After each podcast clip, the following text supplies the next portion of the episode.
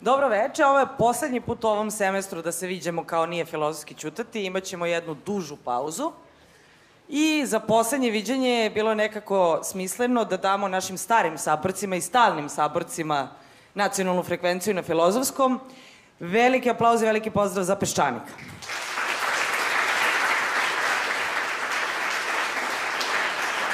Tema će biti cvet, slon ili bojkot, pa možemo da nagađamo šta se sve ovaj, u to spada. A gosti su večeras profesorka Snježana Milivojević, Raša Nedeljko, Nemanja Nenadić i Sofija Mandić. Tribinu će moderirati Svetlana Lukić iz Peščanika. A mi se sledeći put vidimo tek u sledećem semestru 20. februara, tako da imate vremena da odmorite od nas dobra dva meseca. Raspust. A sad ustupam reč Dubravki, koja ima jedan, jednu nagradu. E, nemam reč, imam diplomu, dakle to je već tradicionalna dodela nacionalne frekvencije našim prijateljima iz Peščanika. Vidjet ćemo da li će oni to primiti ili ne, ali na filozofskom je da to dost, do, dostavi, izljubi.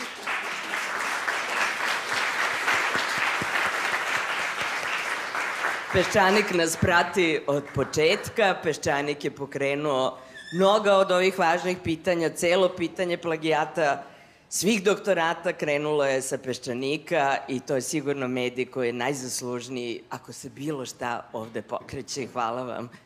Hvala vam mnogo.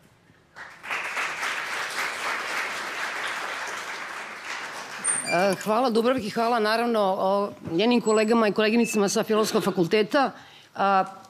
Iz pristojnosti ovo neću da pocepam, to sam rekla Dudi odmah, zato što to ne bi bilo u redu. Ova diploma treba da ide Svetlani Vuković, pošto je ona jedina pristalica nacionalnih frekvencije, ja je ne bi uzela ni da mi daju u ovoj zemlji. Ali, ovaj, hoće da ispadnem pristojno, neću se to da cepam pred vama. Naravno, mi sada samo kratko, verovatno ste i videli zašto ovaj uh, poetski naziv Cvet uh, slon ili bojkot. Negde, sam tu i, negde smo tu i napisali, dakle, taj nesrećni indijac koji je sebi spržio kaži prst jer je umesto lotosovog cveta zaokružio slona. Jer u Indiji na glasačkim listićima pojedine životinje ili cveće označavaju vlast i opoziciju i on je greškom glasao za vlast i sebi je spržio kaži prst da se to više nikada ne desi. A, mi imamo tu treću neku opciju, ja sada to je bojkot, o kojem se sve češće govori i govori se poslednjih meseci. A pošto smo mi, da se setim našeg starog prijatelja, koji nam nedostaje svakoga dana, bukvalno, i sagovornika Srđe Popovića, on je govorio za Pešanik i za Svetlana i za mene da smo nedolično ozbiljne, tako da ćemo biti i ovog puta nedolično ozbiljne. Znam i sama da je nekoliko puta ovde bilo gostiju koji su vas zabavljali u velikoj meri. ne verujem da će ovo biti baš nešto mnogo zabavno, ali zato što smo, pričamo o izborima, to ne može da bude zabavno po definiciji u Srbiji. Kako stvari stoje od elementarno pristojnih i demokratskih izbora smo daleko, izračunala sam tačno 1304 svetlosne godine, a to je, a, daleko je zvezda ova koju smo dobili, ova Morava i ova egzoplaneta Vlasina, a, toliko, toliko je daleka od, ze, od, od zemlje, e, toliko smo mi daleko kako stvari stoje od, kažem, elementarno pristojnih i demokratskih izbora. Ovde ćemo na početku da probamo, najpre zahvaljujući Sofiji Mandić, da probamo prvo da se podsjetimo ili da raščlanimo nekako zbog čega imamo taj utisak i na osnovu čega gradimo utisak da su nam narušena elementarna izborna prava. Dakle, ono što smo smatrali da je osvojeno 2000. godina, da se to mic po mic urušavalo i da zaista sada e, možemo s mnogo razloga da kažemo da živimo u zemlji koja, u kojoj nam je ukinuto i to elementarno ljudsko i građansko pravo. Sofija, izvolim. Ja sam pripremila neke primere zbog kojih mislim i o nekima sam i pisala na Peščaniku, dakle o nekim primerima zbog kojih mislim da je nama ukinuto uh, svima kao građanima uh, izborno pravo. Dakle, ne radi se samo o udruženjima građana, o političkim strankama, o medijima, o nekakvim javno istaknutim pojedincima koji su u poslednje vreme najčešće oglašavaju zapravo o pitanju izbora, nekako kao da su oni najpozvaniji da o tome pričaju a zapravo se, u, možda će zvučati kao neki kliše ili kao neka floskula, ali zapravo se zaista radi o svima nama, jel? To, to naše izborno pravo je opšte pripada svakom punoletnom građaninu, uh, i postoje neka ustavom e, garantovana prava vezana za to izborno pravo, dakle ti izbori moraju biti i tajni, moraju biti i lični, moraju biti i neposredni. Dakle, mi smo već odavno kao zajednice se dogovorili kako ti izbori treba da izgledaju. I mislim da među ovde svima nama koji, koji sedimo postoji priličan stepen saglasnosti oko toga e, kao što e, ste i vi rekli da, da nešto tu ipak nije u redu, jel? da smo se mi udaljili od tog ideala oko kog smo se na početku uh, dogovorili, da bismo želi da nam, da nam izgledaju izbori, jel? da budu ono što skraćeno zovemo fair i pošteni izbori. Da je sad pitanje izlaza iz te situacije, da li uh, je bojkot uh, dobar izbor ili ne, mislim da je to, da je večeras prilika da o tome uh, diskutujemo. Mogu, moram da kažem da me malo možda i iritira to što kako se izbori približavaju, mada je to verovatno i logično, sve će se više postaviti to kratko pitanje, si za bojkot ili nisi, Ko, si za zvezdu ili si za partizan, pa moraš da se izjasniš kratko i nema tu uh, nekakvog mnogo, mnogo okolišanja ili izlaziš na izbore takvi kakvi su ili ne izlaziš uh, i ne, nekako do, dobiješ svoje mesto u ta dva koša koje su se, ili u ta, ta dva pola koje su se, uh, koje su se formirala i mislim da je večeras šansa da možda malo i kompleksnije priča pričamo o, o tome e, da li je to jedini izlaz, da li postoje neki, neki e, drugi izlazi iz parlamentarne, demokratske, pa i, izborne krize. Evo ja ću sad preći na te neke primere e, zbog kojih sam ja najbliža toj, tom stavu da ni slon, ni cvet, nego bojkot. Um, Za, zapala mi je za, za uho jedna izjava Bojana Klačara uh, iz Cesida. On je izgovorio u utisku nedelje uh, da izbo, naši izbori nisu fair u idealnom smislu. Dakle, na, na, na insistiranje novinarke, pa dobro, da li ovde postoje fair i slobodni izbori, on je rekao, uh, pa ne postoje, ne postoje u idealnom smislu i nigde ne postoje u idealnom smislu. Tako da ja mislim da treba da, da tu prvo razlučimo to da li su izborne neregularnosti, a reći ćemo i koje su to izborne neregularnosti, u našem sistemu postale pravilo ili izuzetak. Moj stav je da su one postale pravilo. Nekada su bili izuzetak i vi ste imali mogućnost institucionalne zaštite u tim izuzetnim momentima. E, ta zaštita nikada nije bila savršena, ali je već činjenica da su ti momenti bili izuzetni, bilo dovoljno dobro za građane i bilo dovoljno sigurno za građane da izađu na izbore. E, dakle, imamo to pitanje odnosa e, pravila i izuzetka, gde je moj stav da, su, da je masovno kršenje izbornih pravila postalo pravilo, a ne izuzetak. I sa druge strane, pitanje zaštite koja je u potpunosti blokirana i to od 2012. do, do danas gledamo. E, mislim tu i na postupanje Republičke izborne komisije i na postupanje Upravnog suda i na postupanje Ustavnog suda o, o sporovima koji se tiču izbora. I sad neki primeri.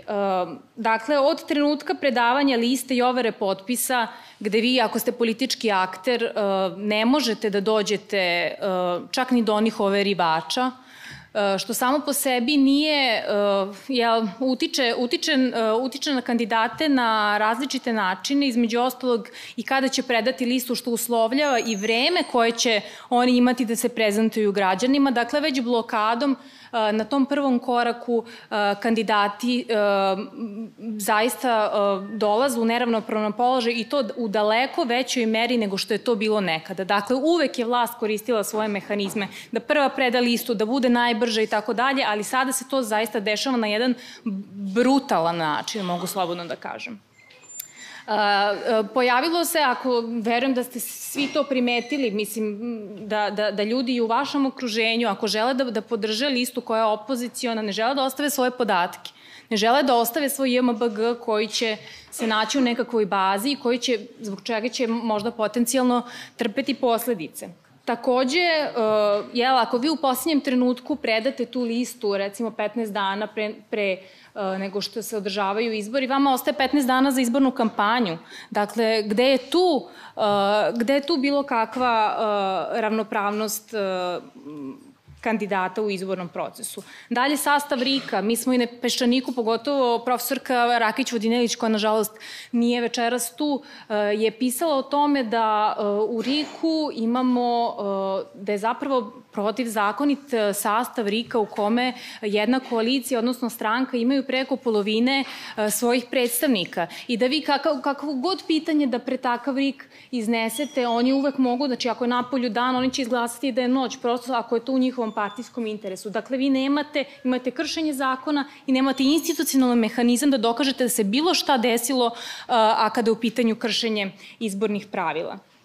Pitanje nasilja nad kandidatima, mislim da tu uh, ne treba uh, mnogo govoriti o tome. Mi smo imali telefonske, uh, odnosno audio snimke o tome na koji način se preti kandidatima, da se povuku sa liste, bit će ti otpušten ovaj ili onaj. Dakle, pretnje kandidatima, pretnje biračima, izvlačenje na, izvlačenje na biračka mesta. Imali smo u Lučanima, a ja mislim da je čak i crta o tome je u svom izveštaju navela ili, ili je, pošto je bio, čini mi se, bilo još posmatrača u Lučanima, da je bilo 200 automobila u Lučanima, jel, koji su do, između ostalog i nekih uh, automobila javnih preduzeća. Imali smo i predsednika uh, vlade uh, Vojvodine koji je sam priznao, pa da ja sam tamo poslao te automobile uh, da, da izloče birača na glasanje. Uh, dakle, govorimo o opštini Lučani koja ima, ne znam, 16.000 birača, 15-16.000 birača, koliko ima. Dakle, govorimo o jednoj represiji, o nasilju i nad kandidatima, i nad procesom, i nad biračima. Uh, pitanje tajnosti glasanja, opet ne treba mnogo o tome pričati. Bugarski vozo, da li su bugarski vozovi, da li su slikanja, jel, telefonima pa slanja ovaj, u partijske štabove ko je kako glasao. Uh, vođenje duplih spiskova, uh, masovna kupovina glasova. Ja sam na Peščaniku pisala o tome da je tokom 2016. i 17. godine dvoje, odnosno četvoro ljudi osuđeno za krivično delo primanja i davanja mita u toku izbornog postupka. Dakle, dvoje i četvoro. Mi smo svi svesni da je, kada su izbori u pitanju, Srbija jedna velika pijaca da se glasovi kupuju E, novčanicama, a kupuju se i brašnom i šećerom i paštetama i obećanjima o, o zaposlenju i tako dalje. Dakle, taj nesklad između onoga što se zaista dešava i što mi vidimo svaki dan i onoga kako institucije na, na to reaguju, zaista vodi tom, uh, tom stavu, jel, to, toj težnji ka bojkotu, da čovek kaže pa ja zaista u ovome ne želim da učestvujem. Ja ne želim da dajem legitimitet uh, jednom procesu koji, koji zapravo je sve samo, samo nije izborni proces. Dakle, to je jedan uh, nasilni proces koji želi da se predstavi kao, uh, kao izborni. I evo, privodim kraju i o tome sam pisala na Peščaniku, određivanje sve više biračkih mesta u kućama. Uh, recimo, ja sam uradila analizu uh, 2017. godine za E, Novi Pazar, da se recimo u odnosu na prethodni izborni ciklus za oko 20% povećao broj biračkih mesta čija su, e, koja su bila određena u, u privatnim kućama. Navodno nije bilo dovoljno javnih prostora u kojima bi se ovaj, e, održavali izbori, pa su lokalne samouprave predlagale da se to dešava u nekakvim privatnim objektima. Dakle, jasno nam je kakva je kontrola izbora, pogotovo u manjim mestima, kada se jel, a, kada su biračka mesta u nečim kućama ili, ili a, e, drugim privatnim objektima. Pitanje učešća policije u izbornom danu, takođe primer Lučana, videli smo da je ministar unutrašnjih poslova rekao da ja sam državnu sekretarku poslao da ona tamo malo reguliše situaciju. To je potpuno protivzakonito, potpuno anticivilizacijski i mi nemamo ni jednu garanciju da se to budućnosti neće, neće i dalje dešavati. E, I e, završavam sa pitanjem zaštite i e, Rika. Pogledala sam, evo samo primera radi, u tom Riku u kom većinu mimo zakona ima jedna koalicija, Dve, 2017. tokom iz, predsjedničkih izbora od podetih 62 prigovora što zaista jeste mali broj podnetih prigovora imajući u vidu jel, masovnost kršenja o kojoj ovde pričamo, što je posebna tema zbog čega nema više prigovora, ali onda se možda odgovor daje baš Uh, I u ovom drugom delu kada znamo da, ih, da je od 62 uh, Republička izborna komisija usvojila samo 9, jednostavno se pitate ima, ima li sve to smisla. Da li, da li i, i, i na kraju krave imate interne akte Rika gde kad, kada na kraju balada vi podnesete taj prigovor i on bude odbačen ili odbijen, uh, interni akti Rika omogućavaju određenu vrstu prepravljanja izbornih uh, zapisnika sa, sa biračkih mesta od strane samo jednog člana Republičke izborne komisije, jednog predstavnika uh, Republičkog zavoda za statistiku, praktično intervenisanje u javnu ispravu koja je došla sa biračkog mesta. Tako da kada sve to poređamo, a ovo su iskustva ne samo iz 2017. ne samo iz 2016. nego zapravo iz uh, svih izbornih ciklusa, što lokalnih, što nacionalnih od 2012. do, do, do danas, uh, ja ne vidim u ovom trenutku drugi izbor za sebe možda će svako pronaći odgovor i trebalo bi svako da pronađe e, odgovor za sebe. E, ja, ja ne vidim svoju ulogu u takvom jednom procesu e, u kom će moj glas biti na kraju kada se sve sabere i oduzme upitan zbog načina na koji je taj proces sproveden. Možda ćemo kasnije imati šanse da pričamo malo više o tome šta se navodno dešava u ovom procesu, jel, nakon što je opozicija uh, ili deo opozicije najavio bojkot, šta se dešava na uh, nekakvoj vrsti popravljanja stanja, možda će biti šansa o tome nešto kasnije da se kaže, ali evo, ovo je bio moj zadatak da za početak makar navedemo ove neke osno, osnovne, osnovne tačke zbog kojih smo uopšte došli u situaciju da se pitamo da li mi treba da bojkutujemo izbor ili ne.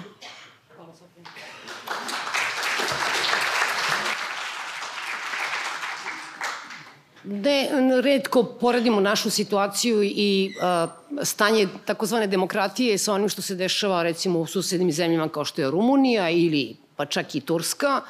I sad imate tu situaciju dakle, da je, su Turci uspeli, i to su smislili kao neka vrstu metoda, da se uzme Erdoganu Istanbul. I vi ste verovatno pratili to i to je, to je opozicija uspela da uradi i sada bi naravno trebalo i dosta vremena da se napravi bilo kakva poređenja, da se vidi zbog čega su oni bili u stanju, bez obzira na, na taj užasan režim tamo koji vlada, da ipak dobiju glavni grad Turske, a i u Turskoj kao u ostalom i u, u Srbiji i u nekim drugim zemljama je glavni grad kako dobijete, to je veoma velika, kažem, dobra startna pozicija da imate, da možete da se izborite za nekakva svoja prava, za malo više novca da biste mogli da učestvujete u toj utakmici. Ali, pošto mi nemamo a, to što imaju Turci u Istanbulu, iz različitih razloga, ni tu vrstu opozicije, a ni malih privrednika koji su nezavisni, nego imamo ljude koji žive praktično od države svi i zavisni su od toga da će Vučić da im da nešto ili neće. Dakle, oni su uspeli da, da tu bitku a, a, dobiju na kraju. E sad, a, ovo, ova pretnja bojkotom, ona je na neki način mogla, naravno ona je sredstvo, a nije nekakav cilj. Dakle, ona je mogla da ima dva nekakva cilja zapravo. Jedno jeste da se vlast natera na neke ustupke a, kada su u pitanju izborni uslovi i druga, druga jeste da se a, uključi međunarodna zajednica. Mi smo do sada imali zaista a, benevolentan odnos a, i OEPS-a koji su uvijek govorili u prvoj rečenici ima nepravilnosti, ali to je u redu, je tako? E, sada smo prvi put videli, dakle, da, ne poš, da neće slati troje, četvoro ljudi koji će nešto da pribeleže, nego su rekli da bi što bi rekli, u punom kapacitetu došli da prate o, ove izbore. I na prvi pogled to izgleda kao neka vrsta uspeha. Dakle, pretilo se bojkotom, šta smo dobili? Dobili smo pregovore, da sednemo za sto i dobili smo da će Evropa preko svojih organizacija doći to da kontroliše. Raša Nedeljkov je u ime CRTE učestvovao na ovim razgovorima koji traju mučnim nekoliko meseci, već pola godine. Kratko, Rašo, šta je bilo uopšte vaš, vaša, vi ste i sami bili svesni da ćete biti napadani sa svih strana, jel? Da se, uh, uh, da pristanete da učestvujete u toj, uh, u tim razgovorima, iako je bilo jako mnogo indicija da će to biti simulakrum jedan, da će to biti izigravanje razgovora. Šta se dobilo? Da li se bilo šta dobilo za ovih sedam meseci? Smo mi izgubili svi vreme, a oni se pokazali kao spremni na razgovor i na kompromis. I da li uopšte ima vremena za bilo šta da se uradi do, čak i kad bi ih stavili na elektrošokove pa pristali da razgovaraju ozbiljno, da li imamo bilo kakvog vremena da se nešto popravi do, do izbora. Hvala pre svega na pozivu, zaista mi je čast da razgovaram sa svima vama i na ovom mestu i to baš danas. Puno je ovde sada vrlo teških pitanja i, i ne, ne postoji jednostavni odgovori. Ne postoji jedno dugme kao na ovom mikrofonu da ga uključite i isključite i da kažete evo sada postoje uslovi za slobodne i fair izbore. Uh, izbori su jedan birokratski tehnički proces gde bi samo trebalo da to bude kruna jednog demokratskog života koji se odvija između dva ciklusa izborna. Da li mi u Srbiji imamo živ politički život ili ga nemamo? Ja mislim da ga nemamo. Mi imamo monopol jedne političke strukture koja je, zahvaljujući svojoj sposobnosti, bahatošću, uspela da monopolizuje ceo javni prostor. I kada se iz te perspektive gleda da li postoji pluralizam u, u političkom životu, u javnom prostoru, jasno je da i odraz na izborima ne može biti mnogo demokratski i mnogo bolji.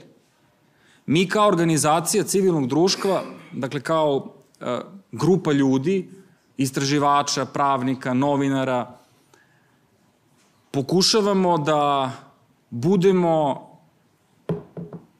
posmatrači procesa, da dokumentujemo što više činjenica, da na osnovu tih činjenica izrađujemo predloge i rešenja i koristimo sva moguća sredstva koje su nama kao najobičnijim građanima sa deset prsviju da nešto probamo da uradimo. Mi nismo počeli da se bavimo izbornim procesom, pozivom Fondacije za otvoreno društvo i Fakulteta političkih nauka da učestvujemo u dijalogu, dakle da tada se prvi put bavimo tako izborima. To je samo jedan od kanala bio za nas prilika da nekada i po prvi put sednemo sa predstavnicima političkih partija iz vlasti i opozicije ili dela opozicije na kraju tog procesa, da nas uopšte čuju. Vrlo je frustrirajuće kada se vi nalazite u poziciji jedne male organizacije civilnog društva, gde baratate činjenicama, gde znate u suštini šta se događa i nemate to kome da kažete. Nemate sagovornika sa druge strane. I kada smo u organizaciji debatovali oko toga da li da uđemo u taj proces razgovora ili ne, prevagnulo je da, da, da uđemo da razgovaramo, jer nam je to šansa da možda neke ljude ubedimo i da nas čuju na kraju krajeva. Um, mi smo izradili čitav niz preporuka kako vidimo da ovome o čemu je pričala i Sofija, o čemu postoji izveštaj i domaćih i međunarodnih organizacija, kako da unapredimo stanje. I onda smo selektovali one preporuke za koje smo mislili da s jedne strane, ako se primene u dobroj veri, mogu da značajno unaprede neke procese, ne da promene političku klimu. Dakle, evo danas ako bismo imali slobodne medije, medije koje bi gajili debatu i politički pluralizam, kad bi davali prostor za kritičku misao, ja ne znam da li je dovoljno 3, 6, 9 meseci ili godina da se normalizuje uh, politička kultura u jednom društvu. Zaista ne znam. Ali znam da bismo imali manje šanse da imamo drugačiju kulturu i drugačije izbore ukoliko ne bismo pokušali da razgovaramo. Ja mislim da je jedini uspeh na kraju tih razgovora bio pre svega u tome što je za istim stolom, makar u jednom trenutku, sedelo rukovodstvo različitih političkih partija, gde je bilo jasno da ne postoji nikakvo poverenje, gde je bilo jasno nama da ne postoji čak ni interes da se dođe do razgovora. Dakle, jedna strana, ako možemo da podelimo na, na crno i na belo, na plus i minus, dakle na vlast i na opoziciju, iako naravno nisu stvari tek tako uh, jednostavne, ali da kažemo da su one, oni učesnici u razgovoru koji su došli sa strane vladajućih uh, partija ili onima kojima naginju ka vlasti, oni nisu imali interes nikakav do da prikažu svojim učešćem da su prodemokratski, da su za razgovor, evo, pristaju. I, I to su čak na jedan mangupski način, ako mogu tako da kažem, i javno iznosili. Evo, mi smo, za, mi smo uvek za razgovor. Sa crtom, pa naravno, zašto ne bismo razgovarali sa crtom? Evo, baš želimo da čujemo šta oni imaju da kažu.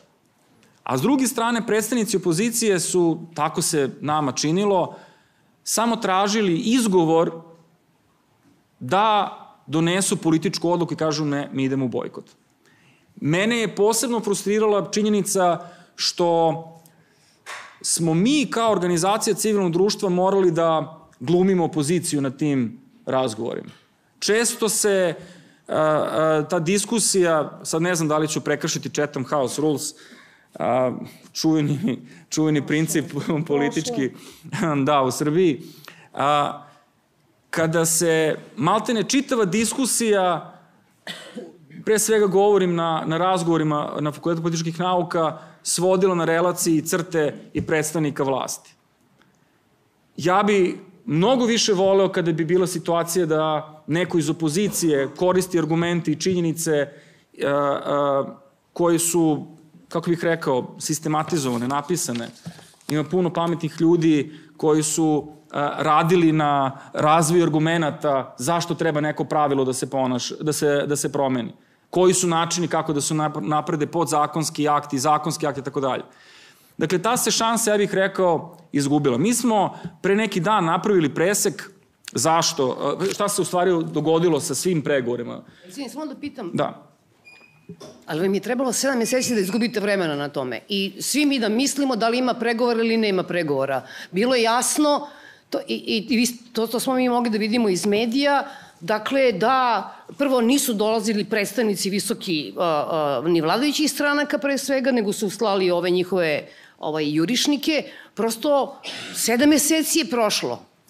Ja nisam prava adresa za to. Dakle, ja, ja sam kao predstavnik organizacije učestvovao onda kada smo dobili poziv da branimo naše preporuke. I to je, to je naša uloga bila. Izvini, na, na, na organizatorima, ja se slažem s vama, format tih razgovora, dinamika tih razgovora, struktura tih razgovora, da je bila drugačija, možda bi uspela da nešto uradi pre, pre tada kada je to počelo augustu mesecu. Uh, uh, i, I da se vratim samo na ovo, opa, a, počeli smo da razvijamo stvari. A, a, a, zašto smo pre neki dan izradili presek šta je u stvari urađeno na tim razgovorima? Pa zato što je opet počelo da se stvara a, a, a, utisak u javnosti ili u delu javnosti da eto, ipak ima neke stvari koje su dogovorene. Pa se onda spominje nadzorni odbor, pa se onda spominje izbor članova REMA. I sad se to nekako predstavlja kao veliki uspeh. Nešto što tri godine organizacije civilnog društva, stručna i akademska zajednica insistira da se pokrene proces izbora ljudi koji prosto nisu izabrani. I to se sada predstavlja kao rezultat. I kada smo napravili presek stanja, ono što je dogovoreno, ono što su bile preporuke, što su bili recimo naši zahtevi kao organizacija civilnog društva, dolazimo do skora da je od svih naših preporuka, a bilo ih je 31 kratkoročna, dakle one koje smo izabrali da budu uh, uh, potencijalno sprovodljive, da mogu da imaju nekakav značaj. Dakle, nisu bile bezazlene sve, jel da? Samo šest njih je prihvaćeno i sprovedeno. Kad kažem sprovedeno, i to je uh, jezička zamka, sprovedeno na nivou usvojenje, promenjen je zakon. Otuda sprovedeno. Dakle, ne znamo da li će se primenjivati zakon. To sad ostaje vreme da pokaže. A od OEBS-ovih preporuka, pošto su OEBS-ove preporuke dosta generalnije i dosta su široke, prihvaćena je nula od svih ovih razgovora. Um, I šta je nama dalje činiti? Šta sada mi da možemo da očekujemo? Dakle, često nas pitaju da li ćemo imati slobodne i fair izbore, Naš je odgovor, ja ne vidim šansu da ćemo imati bolje izbore od onih koji smo imali poslednjih veliki, koji su politički bili na, najznačajniji, a to su ovi izbori za Beogradsku skupštinu. Ja ne vidim da mogu biti bolji izbori od tih. Ništa se nije promenilo. Sofija je spomenula par slučajeva pred sudovima, pritom te presude su uglavnom uslovne presude, dakle nemate nijednu strožiju kaznu za, pazite, korupciju u izbornom procesu. Mi smo kao organizacija podneli dve krivične prijeve smo imali tu slučajnu okolnost ili sreću da mi dokumentujemo e, video e, trenutak kada je dolazilo do razmene novca 2017. godine kod Temerina, dakle, e, dva slučaja. Skoro smo dobili odgovor od tužilašta kada, pošto ih malo, malo pa pitamo šta se događa sa tim predmetima, Dobili smo odgovor zvaničan od tužilaštva da slučaj stoji u policiji. Službenik kada je intervjuisao mene i mog kolegu koji smo formalno pravno potpisali te krivične prijeve i rekao, znate, ja ću raditi sve što je do mene, ja ću prikupiti sve informacije od svih svedoka, ali samo da znate, ja izveštavam Beograd direktno. Nemojte očekivati ništa. To su sada stvari koje se postavlja kao dilema. Šta mi radimo kao društvo u tom trenutku? Da li odustajemo? Da li kažemo pa ne, neću da podnosim krivične prijeve, neću da podnosim prijeve REMU, neću da podnosim prijeve Agencije za borbu protiv korupcije, neću da koristim jedan alat? Ili da budemo još uporniji, da budemo još bolji. Dakle, u ovom procesu razgovora mi smo puno toga naučili. Da se razumemo, sa te strane vlasti, predstavnika vlasti bilo pametnih ljudi koji su bili dobri pravnici i koji su vrlo argumentovno neke naše predloge pobijali. Pa smo onda izrađivali bolje na sledećim, na sledećim, aj tako da kažem, rundama, iako to se zvuči previše ozbiljno, odnosno na ono kako je to izgledalo. Dakle, meni je s druge strane i žao što tamo možda nisu bile kamere prisutne, jer onda bi se u stvari raskrinkalo u potpunosti kako je to bilo na kraju krajeva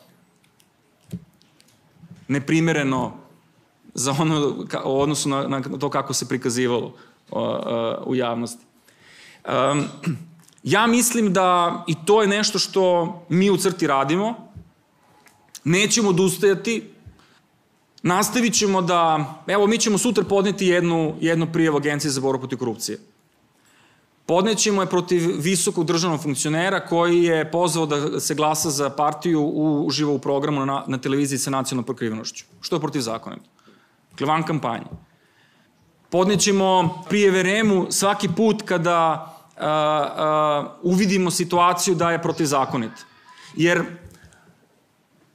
ako institucije ne dobijaju pritisak i na neki način kroz to i podršku javnosti, da radi svoj posao. Jasno je da će u situaciji kada su oni u kanđama političkih partija, i sada da ne ulazim u druge kvalifikacije, mislim da su to a, a, sad već strukture koje su pomešane između kriminalnih a, a, struktura, ali tako, političkih, dakle, gde institucije pravo popušta pred silom pojedinca u suštini jedan koji donosi sve odluke.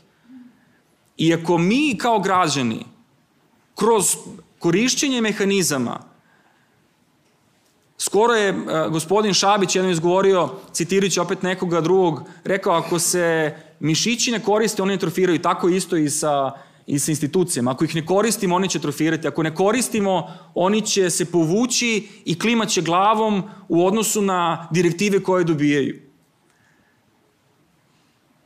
Imamo REM i više puta sam rekao bolje da ga nemamo ovako kako ga imamo. Ali smo mi kao građani na kraju konca odgovorni što ovakav vreme imamo. I sad, možete da se ljutite na mene, ali ja sam isto odgovoran zašto je REM takav. Kada je 2016. godine REM doneo odluku da neće objaviti izveštaj, mi smo ćutali. U većini smo ćutali.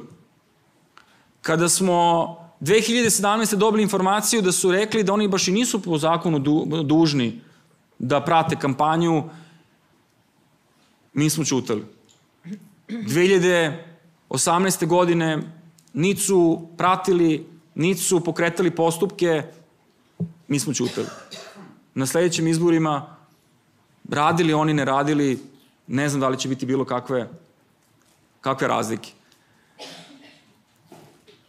To je naša uloga kao organizacija civilnog društva i ja mislim da smo mi debelo omanuli i mi kao organizacija i mnogi drugi organizacije civilnog društva a, a, i drugi delovi društva, mediji, jer nismo informisali dovoljno ljudi, nismo motivisali dovoljno ljudi, nismo dali dovoljno dobre a, a, prilike, argumente, šanse da se ljudi organizuju i da brane a, a, svoja prava.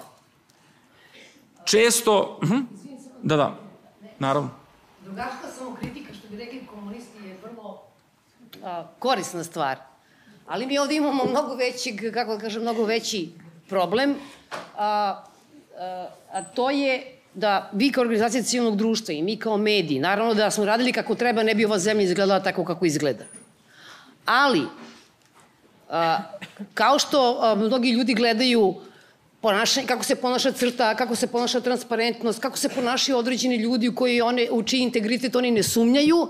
Znači, oni nama treba da šalju poruku i mi možemo da šaljemo poruku, mi ćemo da se trudimo, radit ćemo sve što može, ali na kraju svih krajeva svi očekuju i od tebe i od ovdih ljudi i od nekih drugih o, zato što se time bavimo, odgovor da li je smisleno da se učestvuje u razgovorima, da li je smisleno da se izađe na izbore. A, te, a to sad sve da treba da se trudimo, da pritiskamo, to je sada, ceo život je pred nama. Znači, e, imamo sada vrlo, kako da kažem, kon konkretne neke stvari koje moramo da rešimo a to je da li su ovo trenutak, to je ovo trenutak da se bojkotuje, da se izađe na ulicu, da se ne izađe na ulicu, da se podnose tužbe, da se ne podnose tužbe, jer sve ovo su, kažem, razgovori koji traju, trajeće celog našeg života. Zbog, zbog... Pitanje bojkota, Zeco, da, pitanje izvoli. bojkota je političko pitanje. To je, to, je, to je političko pitanje i odluke, politička odluka na kraju krajeva. I nije na meni da bilo koga pozivam da donese nekakvu političku odluku. Što se tiče učešća u, u, u demokratskim procesima, apsolutno je obaveza svakog slobodnog građana da bira da li će i na koji način će izražavati svoj politički stav. Da li će neko se uh, angažovati u organizaciji civilnog društva, da li će svoj deo slobodnog vremena posvetiti uh, uh, političkom aktivizmu ili će postati politički aktivista, da li će izaći na ulice da protestuju ili ne, to, je, to su načini aktivizma. A pitanje bojkota a, je a, nešto što na kraju krajeva, mislim da mi sada pričamo o bojkotu celokupnog političkog života. Mislim da su izbori ovde sad samo nekakva kolateralna šteta na kraju krajeva. Jer i na kraju mi o ovome pričamo na ovom mestu, gde se još može imati ovakva debata u nekom javnom prostoru. Da li je to onda normalna okolnost o kojoj možemo pričati samo u vezi s izborima ili šire? I ja lično ne znam da li je bojkot rešenje ili nije rešenje. Ja zaista lično kao Raša, ja nemam odgovor na to pitanje.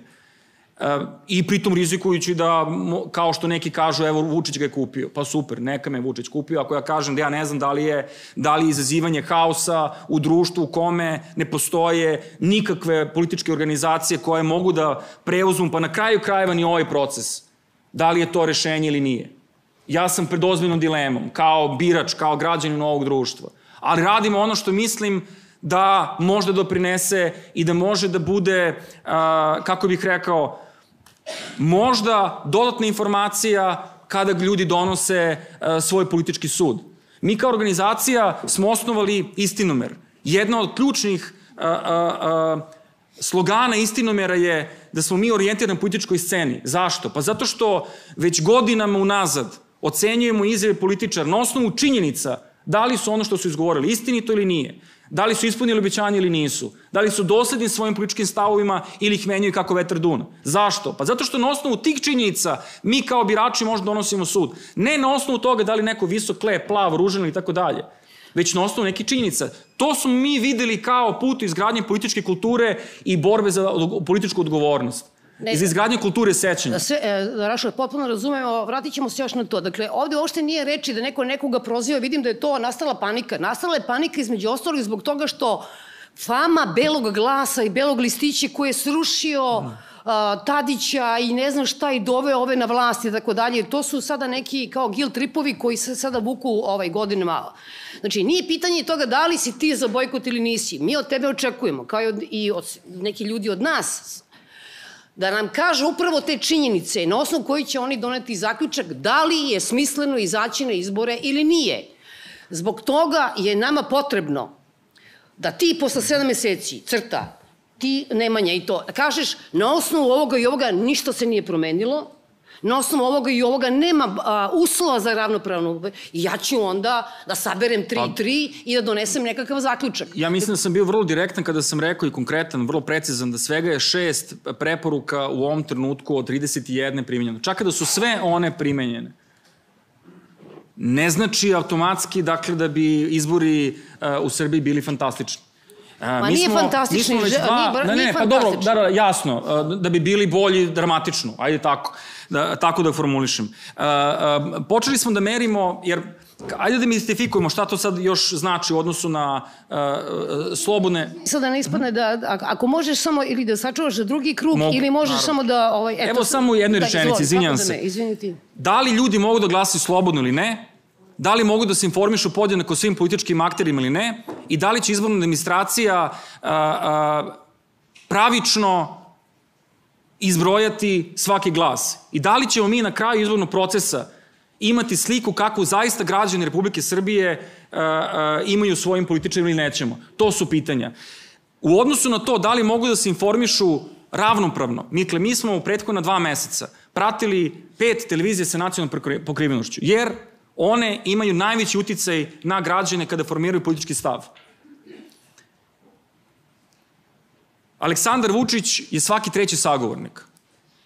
U prime time, u proširenom prime time, to je pola šest do ponoći. Svaki treći sagovornik. Kao predsednik Republike Srbije. Koga je pominjao? O kome je on pričao kao predsednik? Na prvom mestu međunarodnim zvaničnicima, što je na neki način razumljivo. Na drugom mestu je pričao o političkim neistomišljenicima, pre svega iz Saveza za Srbiju negativno. I pričaju o svojoj stranci pretežno pozitivno. Dakle, ja ne mogu plastičnije od ovoga da odgovorim kakva je naša medijska scena i na koji način, da li mogu građani na istinit, ravnopravan, blagovremen način da se informišu o različitim političkim idejama, evo koliko smo meseci sada pred, pred izbore. Hvala Rašo.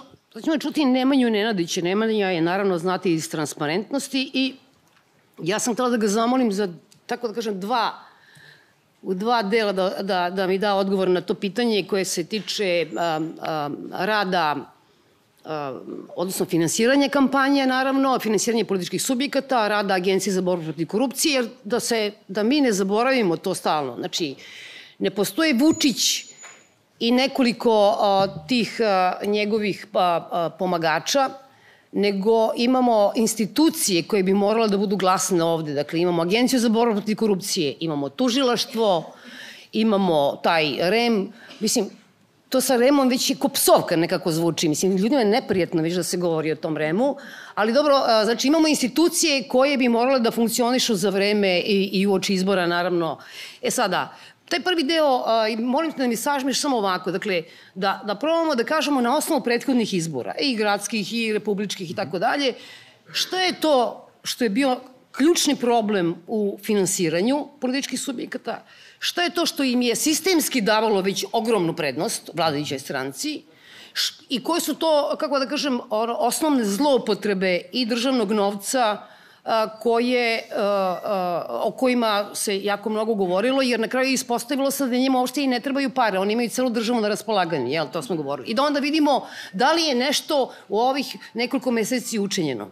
Hvala, hvala domaćinima i, i Svetlanama naravno na pozivu i prilici da, da učestvujem. E, moram samo da kažem da, da su mi se probudila sećanja na leto 92. kad sam boravio ovde i kada je da povežem malo sa temom današnjeg skupa, bio jedan e, uspešan bojkot nekih mesec dana pre tih protesta i nakon toga i par meseci posle su bili e, pregovori nakon kojih je došlo do formulisanja nekih drugačijih izbornih uslova i bilo izbora 92.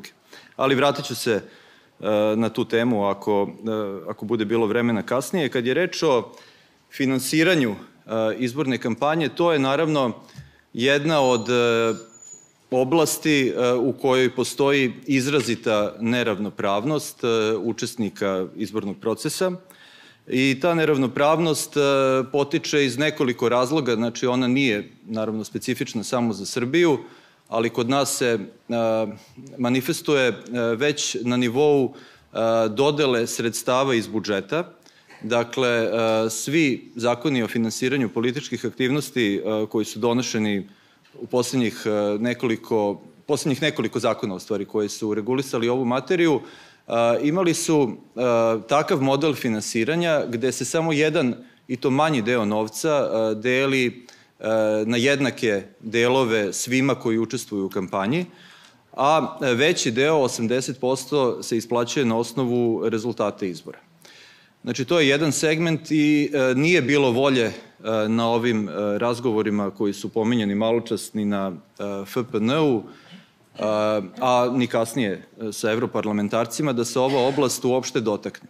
E sad, to je, neko će reći, pa dobro, normalno da vlast nije htela ništa da pregovara na ovu temu, ali meni je, moram da priznam, prilično nenormalno da e, tema nije bila e, stavljena na sto, ako ništa drugo, od strane evropskih e, zvaničnika, jer imamo vrlo jasne, vrlo jasno zapisano i u dokumentima koji se odnose na pregovore oko poglavlja 23 vladavina prava, da treba da se menja zakon o finansiranju političkih aktivnosti, da treba da se, imamo u izveštajima Evropske komisije, da treba da se poštuju preporuke ODIR-a, koje se između ostalog odnose i na pitanje finansiranja, znači nije bilo očigledno dovoljno pritiska nekog sa strane da bi se ovo pitanje na adekvatan način ili na bilo koji način iznalo na dnevni red.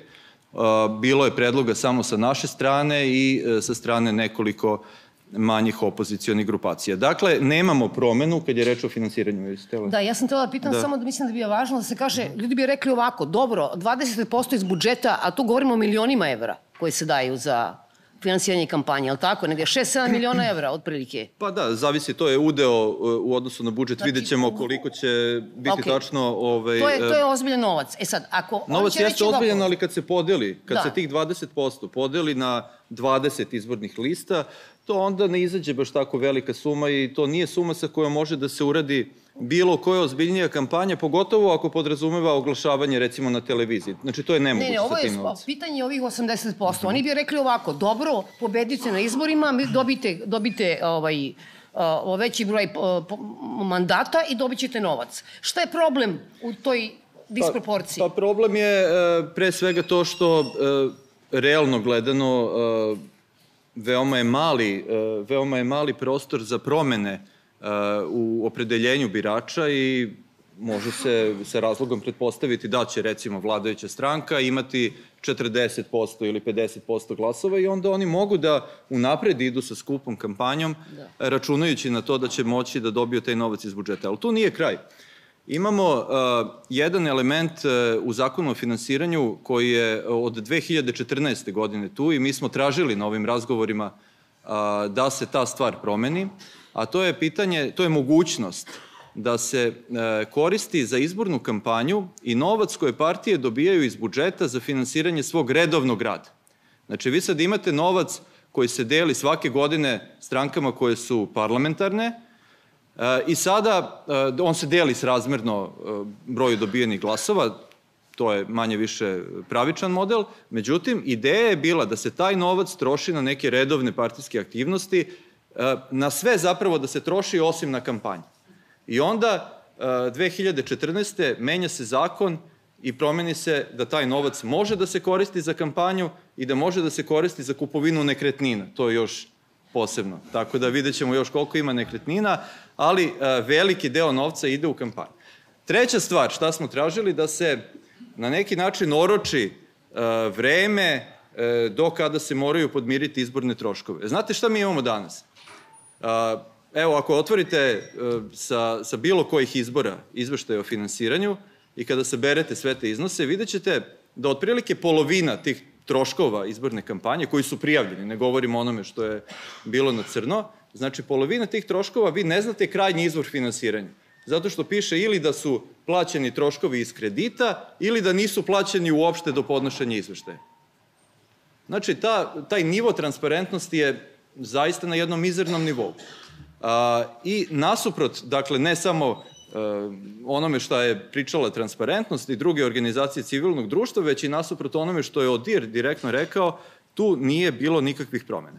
E sad, vidimo kakva je situacija sa finansiranjem i sada imamo još dodatni element da, ma koliko absurdno zvučalo, onima koji su na vlasti zapravo nije potreba ni jedan dinar ni iz budžeta, ni iz crnih fondova, jer oni mogu da obezbede promociju na znatno efikasniji način u informativnom programu medija, kroz funkcionersku kampanju.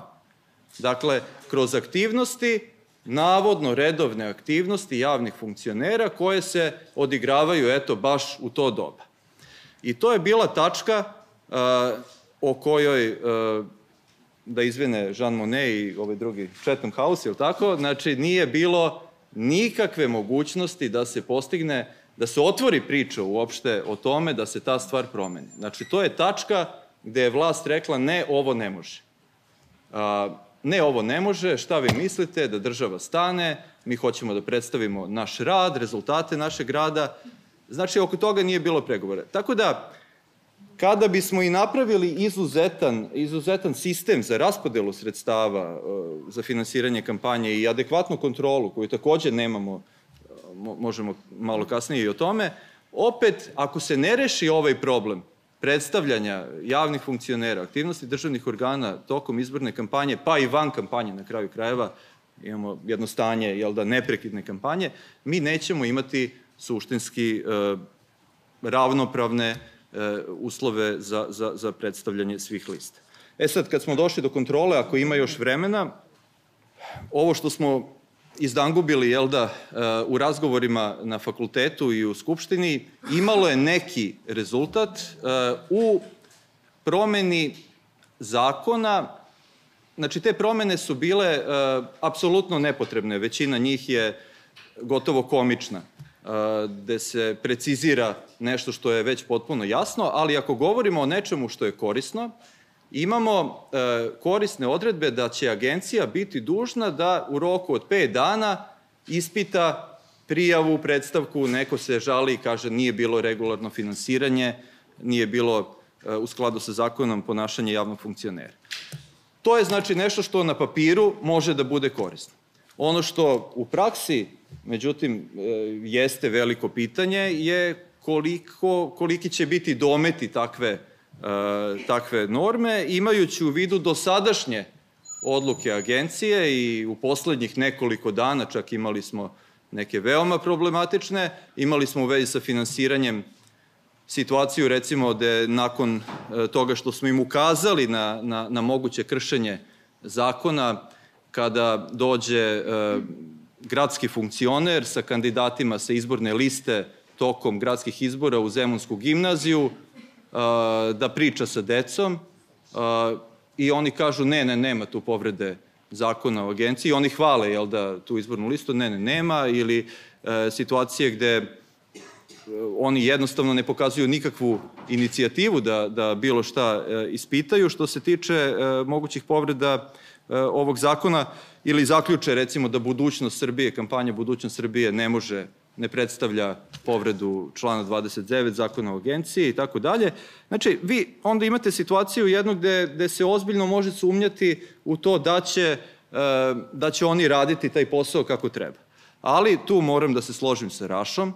E, nije na nama samo da kažemo, e sad oni su takvi i mi računamo s tim da, da oni neće raditi svoj posao, već naprotiv, e, treba da nastavimo, da im šaljemo sve što vidimo da ne valja, pa neka se i gomila, ali jednog trenutka bolje da imamo, da smo uradili naš deo posla i da tražimo da institucije urade svoj deo, nego da samo dignemo ruke. Hvala. Nisi pomenuo tužilaštvo. Ja, Zagorko Dolovac ja moram da pomenem. I tu uvek na, ovde kod vas Zagorka Dolovac je, odnosno tužilaštvo koje ništa ne radi, koje, ima, koje bi imalo mnogo posla, ali moram samo da vam kažem, ne znam da ste videli, da su se naljutili ovi iz uh, Vučićevi na, na Zagorku Dolovac, jer su rekli da ona, kako je, kako je rekao ovaj poslanik, Srbislav se zove, naravno kako bi se zvao poslanik SNS, i rekao je da li to Zagorka Dolovac duguje nešto Đilas i ostalim kriminalcima kada ih valjda ne tera u zatvor, ali tako nešto. Tako da je nadrljali s jedne i druge strane Zagorka Dolovac. Eto, ima neke lepe vesti. A, a, Snježana Milivojević, Snježana je, osim što je, što je naravno, znate, kao profesorskog fakulteta političkih nauka, Snježana je bila u ovoj, kako se to kaže Snježana, stručni, stručni tim a, a, a, protesta 1 od 5 miliona, ali tako? I vi ste tamo imali neke 42 preporuke. Da počnemo od toga. Hoću da kažem ovako, da je već postalo blesavo da mi čekamo da vidimo da li će dva člana REMA da podnesu ostavke, ko će da ih natera, da li će to da bude sutra ili preko sutra i koga će da izaberu tri člana REMA, nekako su nas zabudaličili da je to sada rešava nam nekako problem, jel? a imali su tri godine da imenuju ta tri člana. Jel? Tako da smo se sveli na te sitne neke stvari koje naravno bilo bi dobro da se urade, ali smo izgubili u vidu te 42 preporuke ili to što je, kako da kažem, što, što je bi bilo konzistentne neke promene ili uh, koje bi mogle da dovedu da se malo pristoji ta medijska scena, ne sad samo za ove izbore, nego generalno. Hvala, dobroveče. naše, meni je isto zadovoljstvo što sam večeras ovde i naše Svetlana Lukić i Svetlana Vuković, naše divne večeras organizatorke, a suviše skromne da kažu da evo ova za posljednja tribina u ovom semestru je u stvari predpraznična budući da početkom iduće godine Peščanik slavi 20 godina. I pošto one to neće da kažu,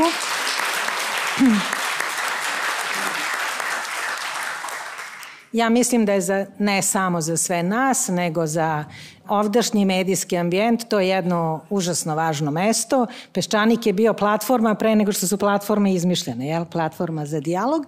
I ja stvarno mislim da tih 20 godina um, sa tog mesta pulsira jedna mogućnost da se taj javni dijalog i razgovor sačuva i da nas podsjeća na normalnost koje eto, neki čak ni ne pamte, većina nas ne pamti, jeli, ali kojoj težimo. E sad, kad sam već u tom um, slavljeničkom duhu, da vas podsjetim da ovaj razgovor o izborima vodimo pred sledeće izbore koji su takođe jubilarni. Ti izbori će biti, sledeće godine će biti 30 godina od prvih višestranačkih izbora, ne samo u Srbiji, nego u ovom delu sveta. Vidim, neki se hvataju za glavu, da za tih 30 godina bilo bi zgodno da vidimo zašto smo se mi našli ovde, um, gde je to u stvari mesto i šta mi sad o našim izborima možemo da kažemo.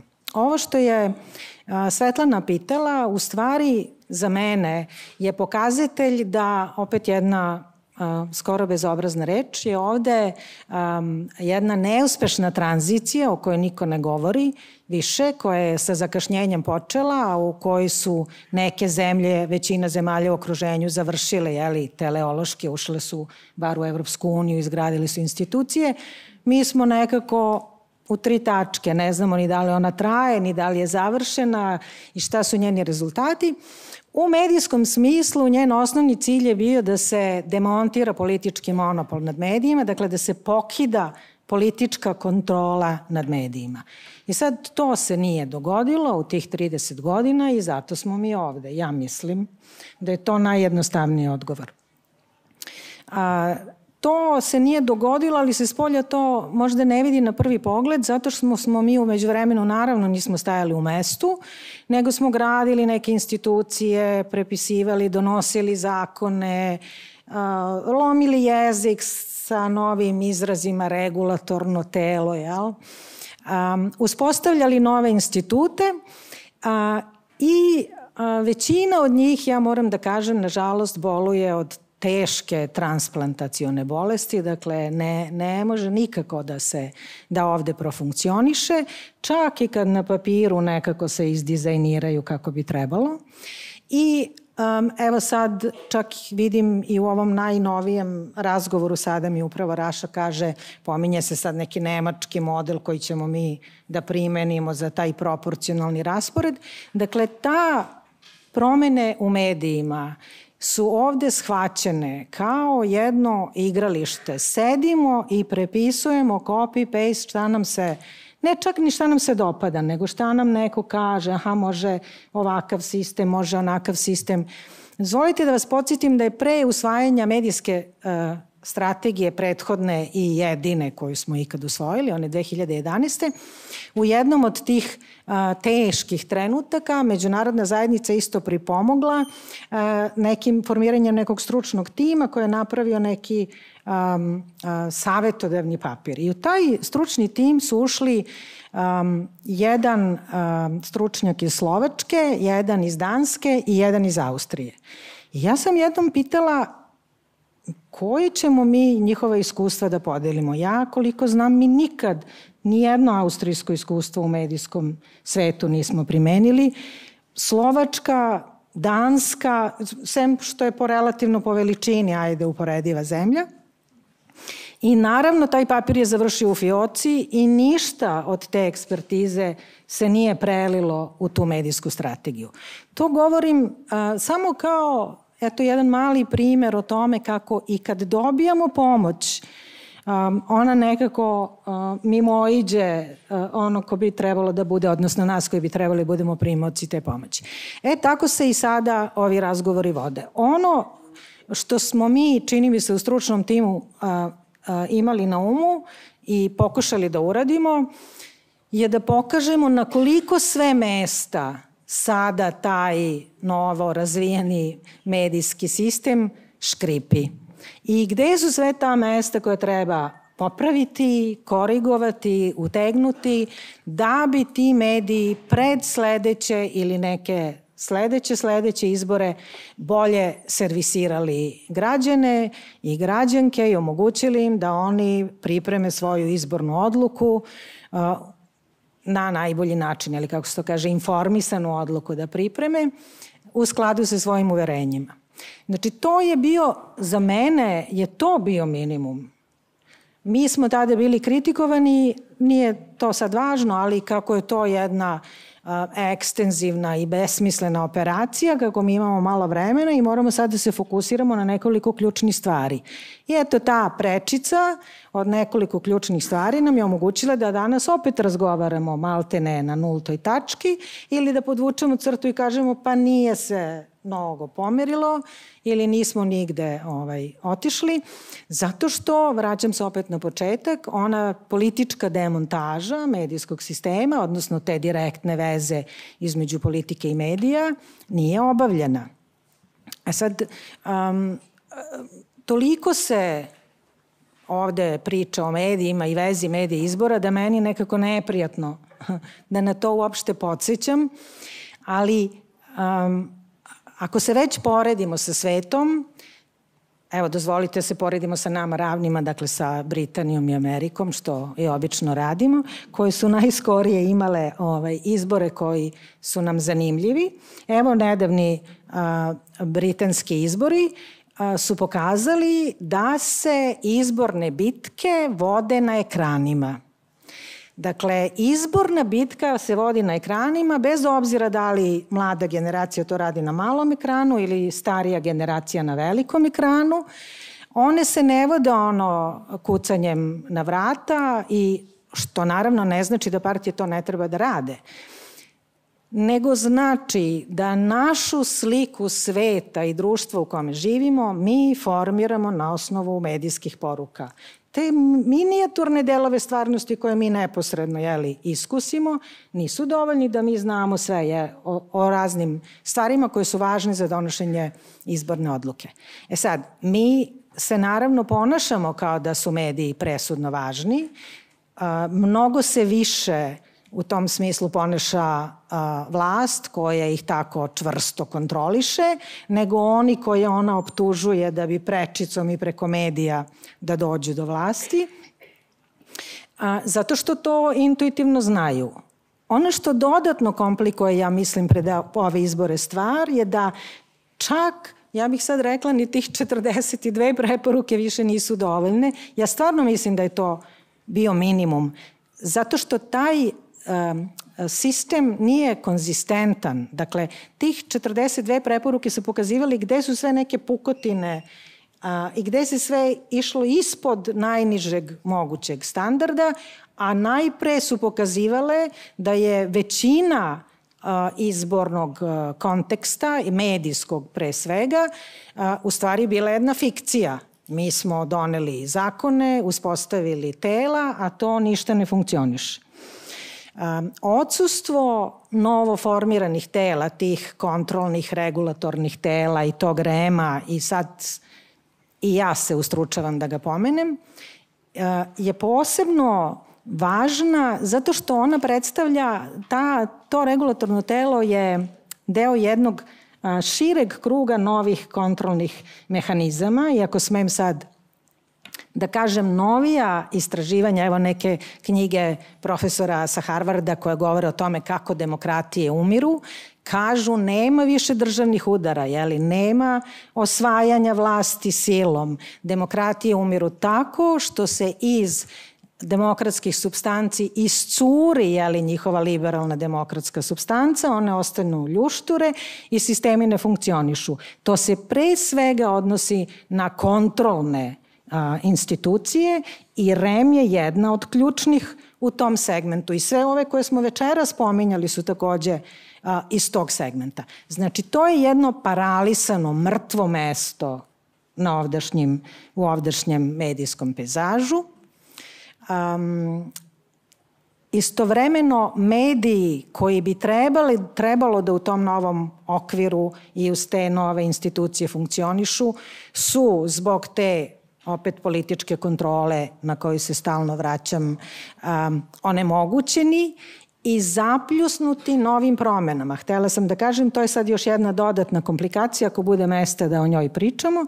Dakle, ti novi mediji um, i nove medijske navike i nove publike koje su stasale um, su sada ušli u jedan ambijent koji je razoren. Dakle, mi imamo, ajde sad najjednostavnije rečeno, mediji su čitav 20. vek funkcionisali štampa uglavnom deregulisana, slobodna, što bi ovde rekli može da se opredeljuje, jel?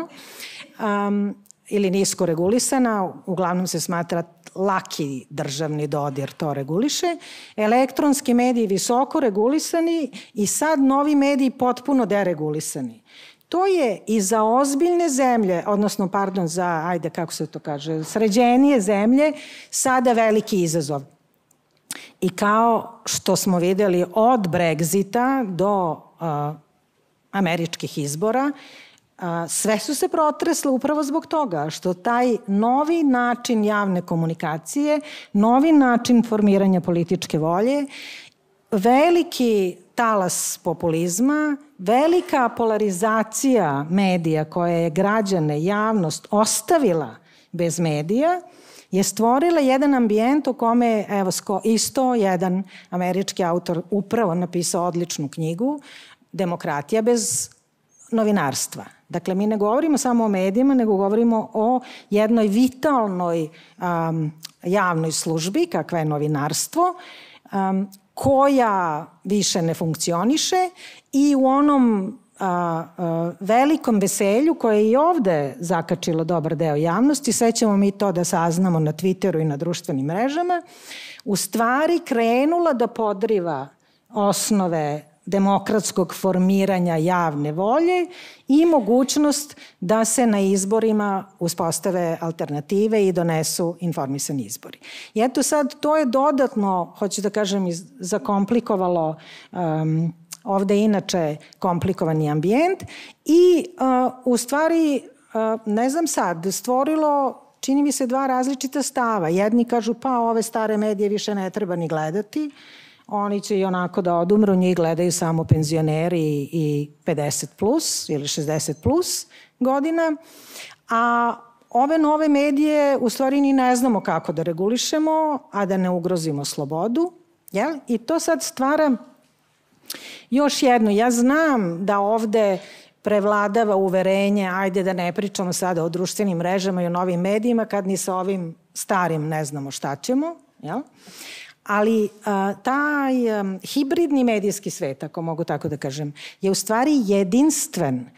A, vidite šta se dešava čak i kod nas. Debata se vodi na Twitteru, a informacije dolaze iz tradicionalnih medija. Dakle, tu postoji jedna ne samo simbioza, nego, evo, kad sam već pomenula britanske izbore, istraživanja tamo kažu zašto su tradicionalni mediji važni?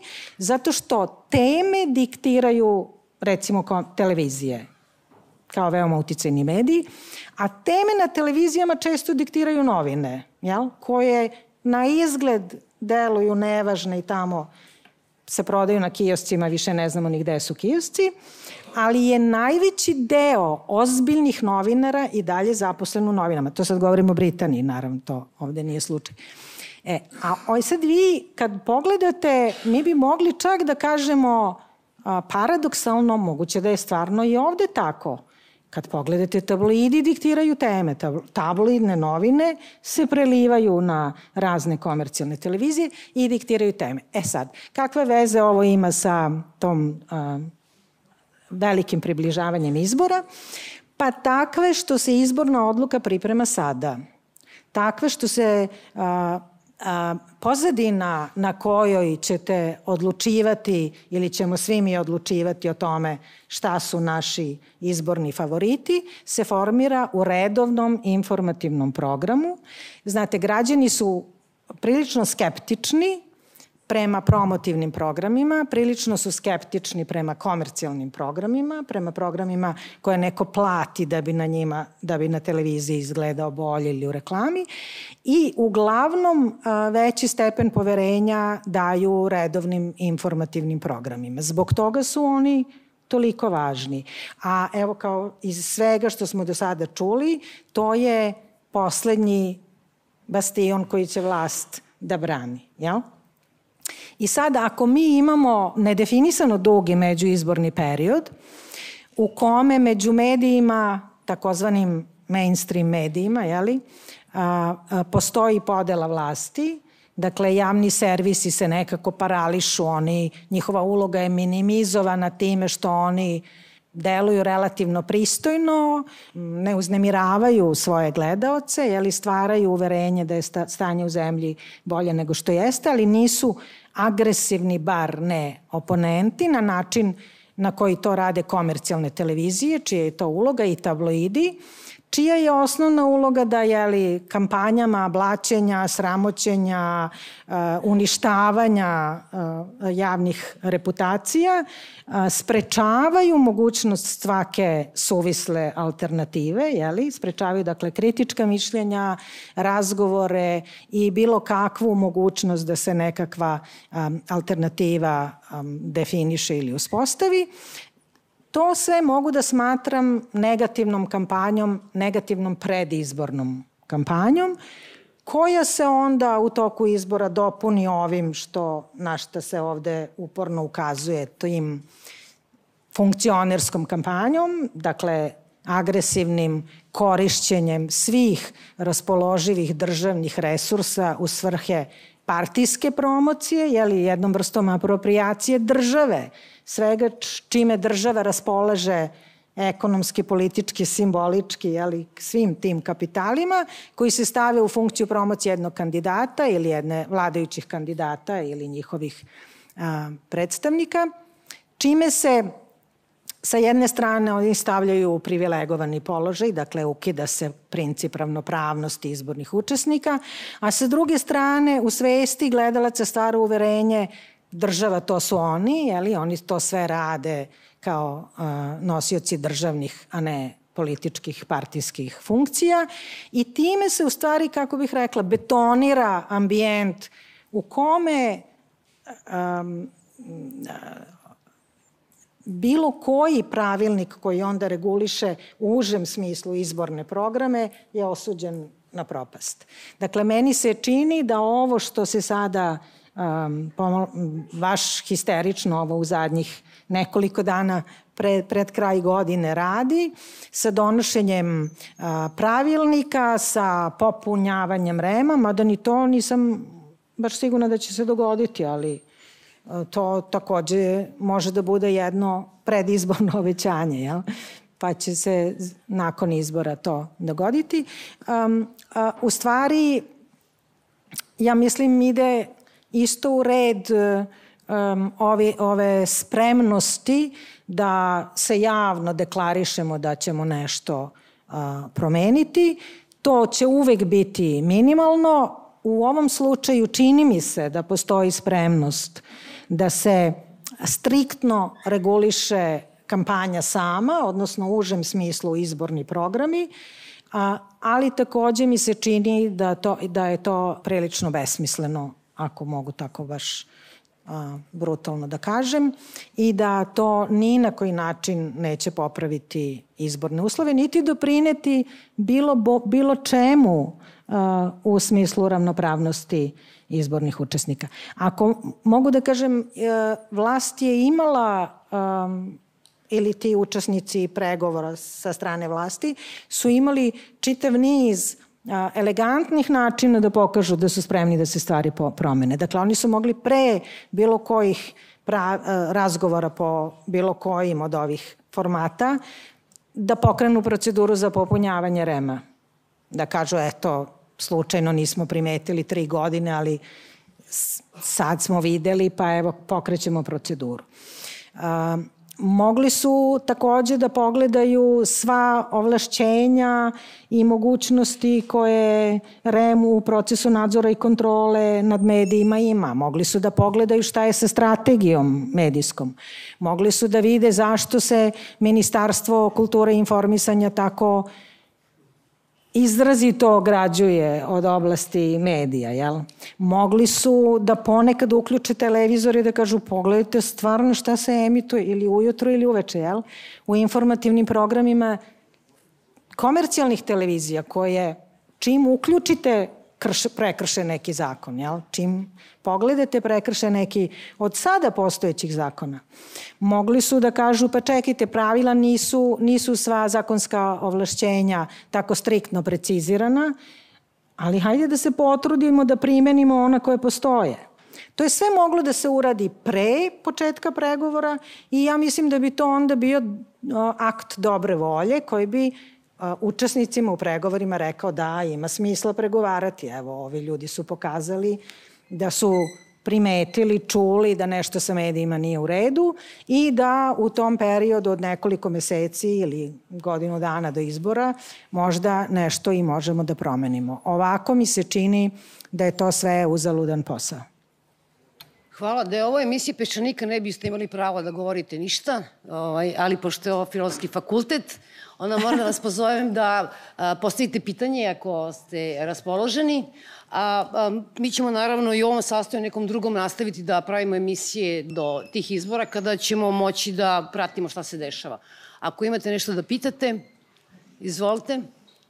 Ako ne, hvala vam na strpljenju. A, idite sad da kupujete poklone, šta već već radite. Srećni vam praznici koji god praznike da slavite i vidimo se uskoro, nadam se, prijetno. Thank you.